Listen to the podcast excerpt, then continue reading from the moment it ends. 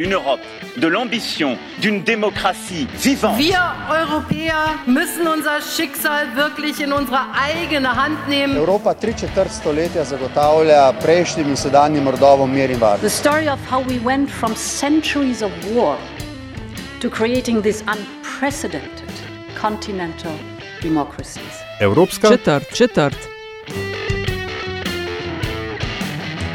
United we stand, divided we fall.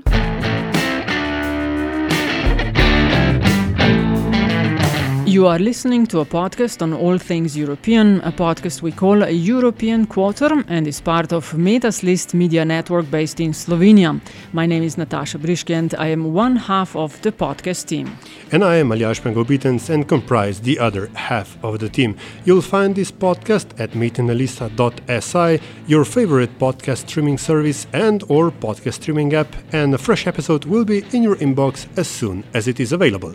Katarina Barley, uh, Vice President uh, of European Parliament. It's a pleasure to host you and to be a guest of a podcast, European Quarter. Thank you very much for the invitation. So, is this your first time at Bled, or have you been here before? I've been here before. Um, I think it's two years ago with my family. We had a wonderful vacation, and it, it's, it's just such a beautiful place. Oh, not on a business trip. No, it was a one. holiday, and I because I saw the lake. I think it was a rowing contest, Uh-huh. and I didn't know where it was. I said I want to go exactly there. so nice. So, among other things, you are here at Bled, at Bled Strategic Forum, uh, for the panel also how many uh, challenges for Europe. Uh, now, obviously, there are many challenges uh, uh, geostrategic shifts, uh, war in Ukraine, very challenging times, climate change, um, disinformation spreading of, just to name a few. Um, how fit is the EU uh, to answer to all of these uh, challenges, what would you say? Well, I wouldn't give the same answer to all of these challenges. I think it's it's different.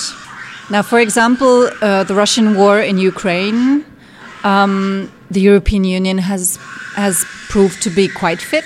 I think nobody had um, expected this reaction to be so quick and so fierce, even to finance weapons. I mean, the European Union financing weapons three days ago, three days before, nobody would have would have thought that possible. So, there, I think the European Union has reacted very well. I think also on climate change, it's okay. Could be even better, but it's better than most member states do. But uh, me, I'm especially, concerned about um, everything that goes around democracy, rule of law, values. I think this is the big danger for the European Union from the inside as well as from the outside. Could it be that we've taken too much for granted as a union? That we, um, to use an Americanism, we've dropped the ball on equal rights and everything, thinking that the, the battle has been won and the, the, uh, the, law of, uh, the law of the land has been set. The settled law, I think this is in American what they say. Is this the case, or is, is it, um, were these forces always lurking in the background and we're just waiting for a proper crisis to, to, to re-emerge? Well, I think it took both. Um, and, and the first part, well, actually, both parts are not limited to the European Union. We see that sort of backsliding. Um, I, I don't like to call it backsliding because it's new movements also, but we see it in the whole world. We see it with Trump, we see it with Bolsonaro in Brazil, um, we saw it terribly on the Philippines, we see it in Russia, we see it in Turkey. Um, so there's a lot of countries where you where you think these countries had advanced further at some time, and now they're in sort of autocratic structures again. Uh, of course, not to mention Poland and Hungary within the European Union. Um, and and yes, of course, there have always been these forces that want more nationalism, more um, more authorita- authoritarian regime. Uh, that is, I don't know if it's in human nature that every few years, sort of the strong men arrive. It has been al- already a subject uh, in the in the first panel. The strong, the strong man. Um, that that's a problem for for democracy and, and the world. Mm. You mentioned democracy, rule of law, human rights being close uh, to your heart and to what you do. You've called Hungarian president uh, a cowardly dictator. You've been very critical of the situation in Poland. I mean, all of this is happening in the EU. How come that the EU can't deal with the ap bad apples within? Or it seems it can't do anything. Right. It, uh, it waited, the European Union waited far too long to deal with the bad apples. I mean, I've only been a member in the European Parliament for, for three years now, and that has been going on so much longer.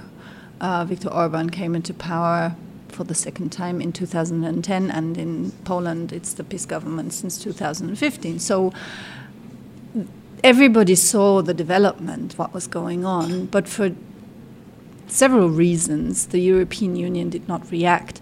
Now, I'm, I'm okay. I'm a politician. I'm a social democrat. I don't like to make this a party political thing, but one has to say that as long as Viktor Orban's party was a member party of the conservative family, they protected him, especially my German colleagues who invited him to, to their party summits as a honorary guest every year, even in 2019 when democracy was already very much destroyed. So that is one thing that we really have to learn that you must never ever put party politics over democracy. That is really a very bad alley to go. And if I may, may add that, my positive example when it got, gets too, you know, too pessimistic is always Slovenia, because you had a government that was following Viktor Orban Janez Janša saw him as a role model,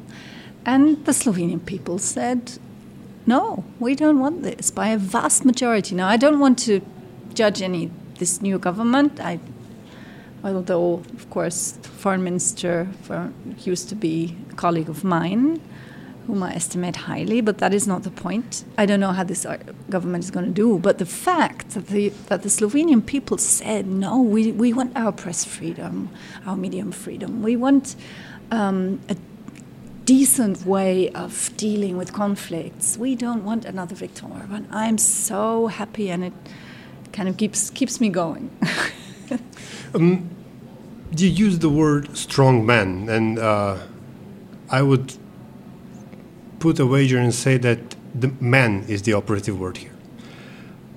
In the recent wave of, of, of, new European leaders, there's been a remarkable uptick in female leaders. We've got lots of Scandinavian uh, prime ministers, presidents. There's been a turn towards uh, liberal democracy in Slovakia a couple of years ago, uh, and so on. And there's a host of other, uh, a host of women on other uh, important uh, positions, senior government positions. I'm loath to ask, but is there, I mean, does this greater gender balance, but it is still an imbalance, does it matter? Of course, of course it does. Um, although not every female politician is a good politician, and not every male politician is a bad politician. So we see a new um, generation of men coming up with, with people like Macron, Trudeau, although, I mean, they're both liberals, so I don't, as a social democrat, do not like everything they do, but at least they have a new way of doing politics. Um, and we have very, very good, as you mentioned, female leaders, but if you look at Italy, which is bound to have their election soon, and we have a, a, a running um, lead candidate for, for the far right who is female. And poof, I hope she won't win. And of course, the same for Marine Le Pen in France. I was very happy that she didn't win. So uh, we, of course, need more women in higher positions because, and not only women, we need people with different experiences in politics. The great thing, for example, about Sanna Marin in Finland is not only that she's a young woman, it's also that she comes from a very delicate background that her father had an, had an alcohol problem and he left the family and and she really had to fight her life you know to, to get where she is. So she knows that. And and to have not only a government like you often have in, in conservative for example british governments they all come from the same school from the same university they've known each other for decades.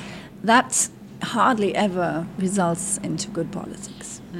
While at it, uh, the first line in your uh, Twitter bio says, a feminist politician, I'm a feminist. Uh, now, there aren't many politicians that would put that uh, uh, on the public uh, display. do you get bullied for that? Well, yes, I do. Um, especially now that we see that this um, that the gen gender debates are becoming more um, heated, more aggressive. I, I always find this a bit strange because, I mean, it's so obvious that up to now, a lot of incompetent men have have been in high jobs. So, what is the injustice if now, amongst the heaps and loads of competent women, there might also sometimes be one who doesn't do a good job? Um, it's uh, it's something that is very important because, as I said, it's it, it would be better not only for women but for society, for the world, if we had more diversity. Um, not only women, also different uh, religious backgrounds, different um, colors of skin, different uh, sexual orientation. We need we need a good mixture to, to make a good to do a good job, and that is especially true in, in, in foreign policy. Which basically brings us to, to, to, another point: the use of words or misuse of words, terms. Misinformation is one of the uh, topics here on Bled Strategic Forum, and. Um, perhaps it's a bit out of left field, but uh, uh, since we've already mentioned uh, far right movements and parties and, and, and uh, narratives, uh, I remember how somehow during the 2015 migration crisis, the far right has tried to position itself as the defender of feminism because they are the ones who respect, quote unquote, respect European women, uh, whereas the big O others do not. I mean, is, in your view, European Union or the liberal democracy as a concept equipped to deal with these perversions of, of, of, of the narrative? Well, um, no, but it's has it ever been? I mean, you there is there is a misuse that that you have always had. I mean, anti-Semitism, for example, you've had that like for two thousand years, and and and racism. Um, so but of course, what has changed are the technical possibilities that, that people have to spread disinformation, and and that you do not have uh, the gatekeepers of, of you know conventional media businesses. Um, it didn't work all the time either, but at least you always had some sort of control and, and a limited competition in, in the ideal world and now you have just all this, these pieces of information that seem to have an equal equal footing and equal equal importance, um, equal legitimacy, which of course it doesn't, and and that makes it so much easier for people to to kind of build their own world of information. I, I do not believe that it's only about educating people and only about um, rules. There is something within every one of us which makes you uh, or us search for the things that we believe anyway.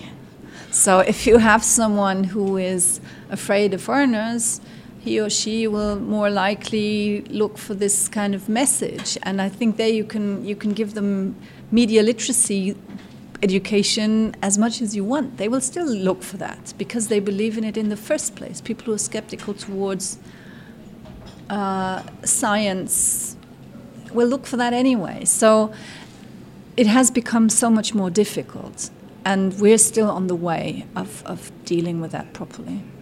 Mm, uh, I believe one of the responsibilities that you have as a vice president of European Parliament is also the, the field of the media, the information, what you uh, just talked, and uh, the war is a situation where the facts quickly uh, get lost, and um, there are big games that uh, all of us following foreign affairs uh, can watch uh, the power struggles, the geopolitical shifts.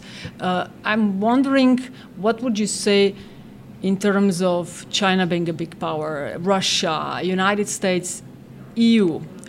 What do you see are the um, advantages that the European Union has uh, in comparison with the other big three? I think in this field, the European Union really is the front runner. I think that that there we are a leading force, and we and we should be, because um, in the U.S., for example, they just let everything go. I mean, you can you can say everything, and everything is First Amendment, even if it's if it's uh, a blunt lie or if it's even you know the president asking for people to come to the to the to the government buildings or whatever. Um, China, of course, is is restricting. I mean, is defining the what is the truth, and you're not allowed to say anything else, more or less. Um, and Russia, Russia uses information and disinformation, as you already described, as a weapon. So, so I think the European Union there is really the only power, superpower, to approach it in a value-based way, leaving freedom, but also with safeguards. And um, in a in a in a slightly different but similar field. Um, we've seen the GDPR, um, the uh, for data protection, um, so that what happens to your data, and and this GDPR um, was a was a big piece of work to, to, define that you decide what happens with your data because it's important, it's valuable, you can be manipulated with it. And this this regulation spread all over the world. 70, more than 70 countries and, and American states, even Silicon Valley State, California, has more or less adapted this regulation. So it has proven not only a role model but also a success, an international success. So I think, especially in this in this field, we should be very, very confident and very active and try to be the ones who who who define ways how we can deal with with data and with information and misinformation. I think it was Spider Man's uncle who said that with great power comes great responsibility. You're too young to read this. Thank you. Uh, but um, it does, in the end, also come to the matter of enforcement. To, to, to an extent, we've talked about the inability of the EU to enforce its own values on member states. It has great power to enforce them on candidate uh, candidate states, uh, but there's also a lot of um, we're learning now that we have to have resources within our means, within our reach, to enforce anything, be it from the new uh, um, energy policy to, to the me media legislation to stuff like that. Um, is this something that, uh, and the European Parliament obviously will have, a, and still and does have, a great uh, role in, uh, in um, passing European legislation, obviously. Um, how do you see this going forward? I mean, it's the unity that European Union has shown vis-à-vis Russia and Ukraine crisis, and also in terms of, of, of uh, COVID response, is uh, flabbergasting, and one wonders if this will continue. Well, you have to state in the first place that the European Union is not a state. So the European Union, first of all, does not have um, legislation competences in, ev in every field. So, for example, when it comes to media, we cannot really impose very much on member states. It's just not, not our competence. And secondly, we don't have own resources. There are no such things up to now as European taxes. So the money that we get is member state money. So, so whenever you say the European Union should do this or that, you have to bear these two things in mind.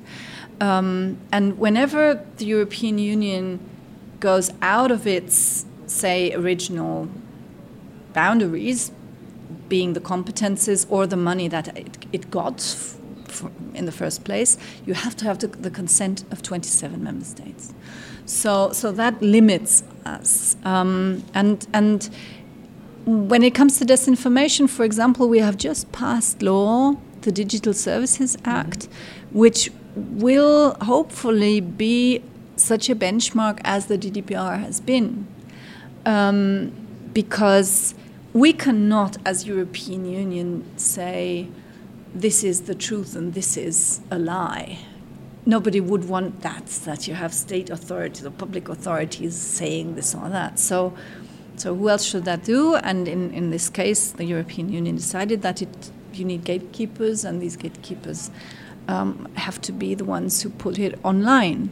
Um, and there we have means to enforce it. You know, we have the power to do the, the, the legal framework, and then we say if you don't comply to this, you will be fined. And uh, in another field competition, the EU, European Union has proven that it it does. Uh, if you don't comply, you get serious fines. Um, still, probably not enough, but several hundreds, mil- hundreds of millions of euros. So uh, we can, if we really want to, but within our limits. Mm. Uh, a word or two on uh, the case of the Western Balkan. Uh, it has been sort of an in a DNA of Bled Strategic Forum from the very beginning. So, uh, and you are part of the delegation on the conference on future of Europe, right? Right. Okay. So uh, how does the conference think of uh, what lies ahead uh, of the Western Balkans? Because the situation there might not be to look away. It's in some parts of the Western Balkans, it's quite serious. Um, but when you travel in these countries, you see a lot of EU signs, EU construction projects, but not much love in the air mm. when talking to the people uh, which is, of course, another kind of a problem. But uh, what do you see for the Western Balkans going ahead? Well, we had the first panel uh, of the strategic conference today with with Edi Rama on it. oh, you followed it. Oh, You're oh, yeah, laughing, yeah, so you so you followed it. I mean, that was really really interesting because he put he put it in nice words and in in in, in a kind of humoristic way but of course, it was very serious what he said that, that these countries feel a lot of deception, and we understand that. Um, and the problem is not uh, within the parliament, not at all. The problem is the member states, and Edi Rama said that too. He said uh, it was Bulgaria that blocked them. Um, but there are also other countries that are kind of reluctant for very different reasons. But I think I think everyone has realized now with this Russian aggression on Ukraine that we need to have these. Um, we need to give them not only a perspective but real progress and um, and especially Albania and North Macedonia have, have done such a great work. Um, I think we should we should really proceed. And today, okay, I'm a European politician now, but I used to be a domestic German politician. So so my chancellor held a speech in Prague today, and the first he, he mentioned four points that are important to him, and, and the first point included the Western Balkans, and and and he went actually to the Western Bal- Balkans before going to Kiev, because. And I, I thought that was a very strong sign. I mean, he knew, of course, that Ukraine would get the candidate status, but it was for him very important to speak to the to the Western Balkan governments before that and say, look, yeah, that's kind of annoying for you now, but we have to get you. We will, and I will fight for you, and, and he is. Madam Vice President, uh, thank you very much uh, for sharing your thoughts with us. Thank you. Thanks. It was a pleasure. You've been listening to European Quarter and we'll continue our conversation on all things European soon. And as always, thank you for tuning in, and until next time, watch this space. And the necessary disclaimer this episode is a part of a series prepared in cooperation and with the support of the Bled Strategic Forum. The views, information, or opinions expressed during the podcast series are solely those of the individuals involved and do not necessarily represent those of the Bled Strategic Forum.